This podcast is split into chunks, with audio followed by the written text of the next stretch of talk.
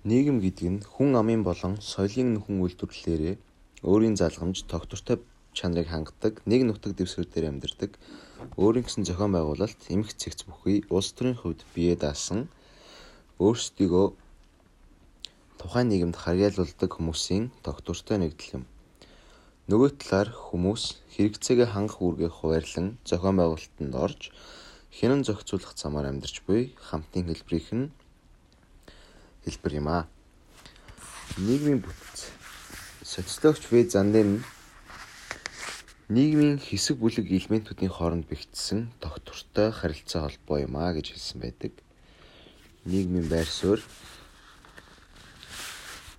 хувь хүний идэлх ирэх боломж, гүйцэтгэх үүрэг, бусдын зүгээс хандлах хандлагын цогцоор тодорхойлогдно. Нийгмийн үүрэг Тухайн байр сууриас үүдэн бий болж заавал биелүүлэх ёстой хэм хэмжээлэг шинжтэй зан үйлийн цогц. Нийгмийн институт. Нийгмийн бүтцийг макро түвшинд хийсвэрлэн илэрхийлж буй ойлголт юм. Энэ нь нийгмийн тодорхой хэрэгцээг хангахын төлөө хэм хэмжээтэй дахин давтагддаг үйлдэлээрээ холбогдсон нийгмийн байр суурьуудын нэгдэл юм. Асуулт 2-ын тайлбар. Нийгмийн институт Нэгт эдийн засаг хэрэгцээт бараа үйлчлэгээр хангах, шинжлэх ухаан боловсрол, шин мэдлэг бүтээх, төр засаг, нийтлэг асуудлыг шийдэх, шашин боловсрол, нийгмийн нэгдэл нэгтрлийг хангах, дээд ариун нандин зүйл итгэх, сүсэглэх, гэр бүл боловсрол, мэдээллийг хойч үедээ дамжуулах, нийгмийн шин гишүүнийг төрүүлэх. Асуулт 3-ын тайлбар. Нийгэмшилт. Тухайн хүн нийгмийн харилцаанд бие даан оролцох, нийгмийн үйлдэлүүдийг хийх чадварыг эзэмших чадамжтай болох. Асуулт 4-ийн тайлбар. Нийгмийн судалгаа. За, нийгмийн судалгаа нь болохоор судлаачид нийгмийн ерөнхий нийгмийн ертөнцийн тухай асуултад хариулж хариулт хайж буй үйл явц.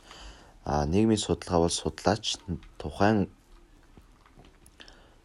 нийгмийн үнэн бодит шин зүйлийг илрүүлэх ажиллагааг хэрэгжүүлэх аргуудын цогц. За нийгмийн судалгааны дөрвөн арга байдаг. За дедукц.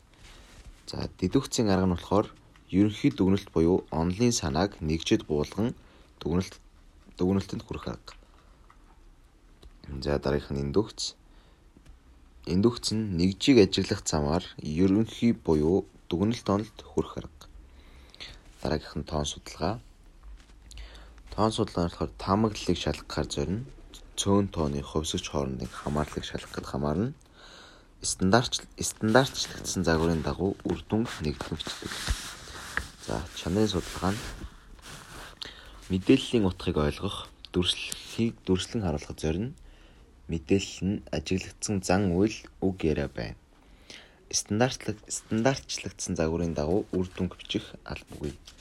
Задгай мэдээллээс ерөнхий сэдв нотлохоо гаргахыг зорино. Асуулт 5-ын тайлбар. Тэгш бус байдал. За энэ нь болохоор нийгмийн гишүүд хувийн болон эдийн засгийн баялаг, нэр хүнд, эрх мэдэл,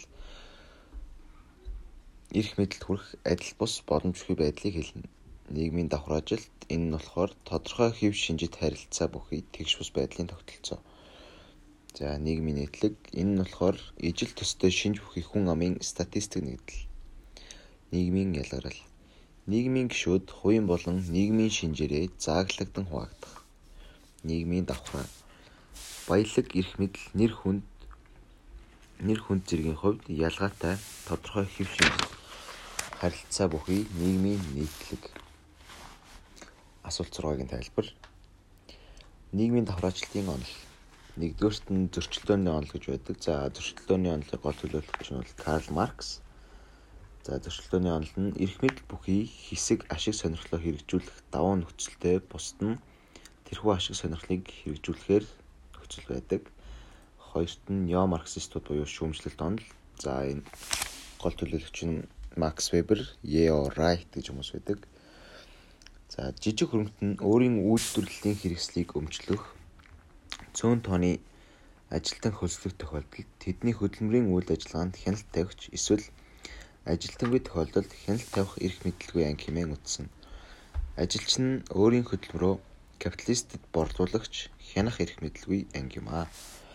За 3 дугаарт нь бүтц шиг үүргийн онол. За энэний гол төлөвч нэмэлт үүрэг юм. Анханасаа нэр хүнд ажил мэргэжлийн байр сууриа ялгарлыг нийгмийн давхраачлалтын суурь шалтгаан гэж үздэг.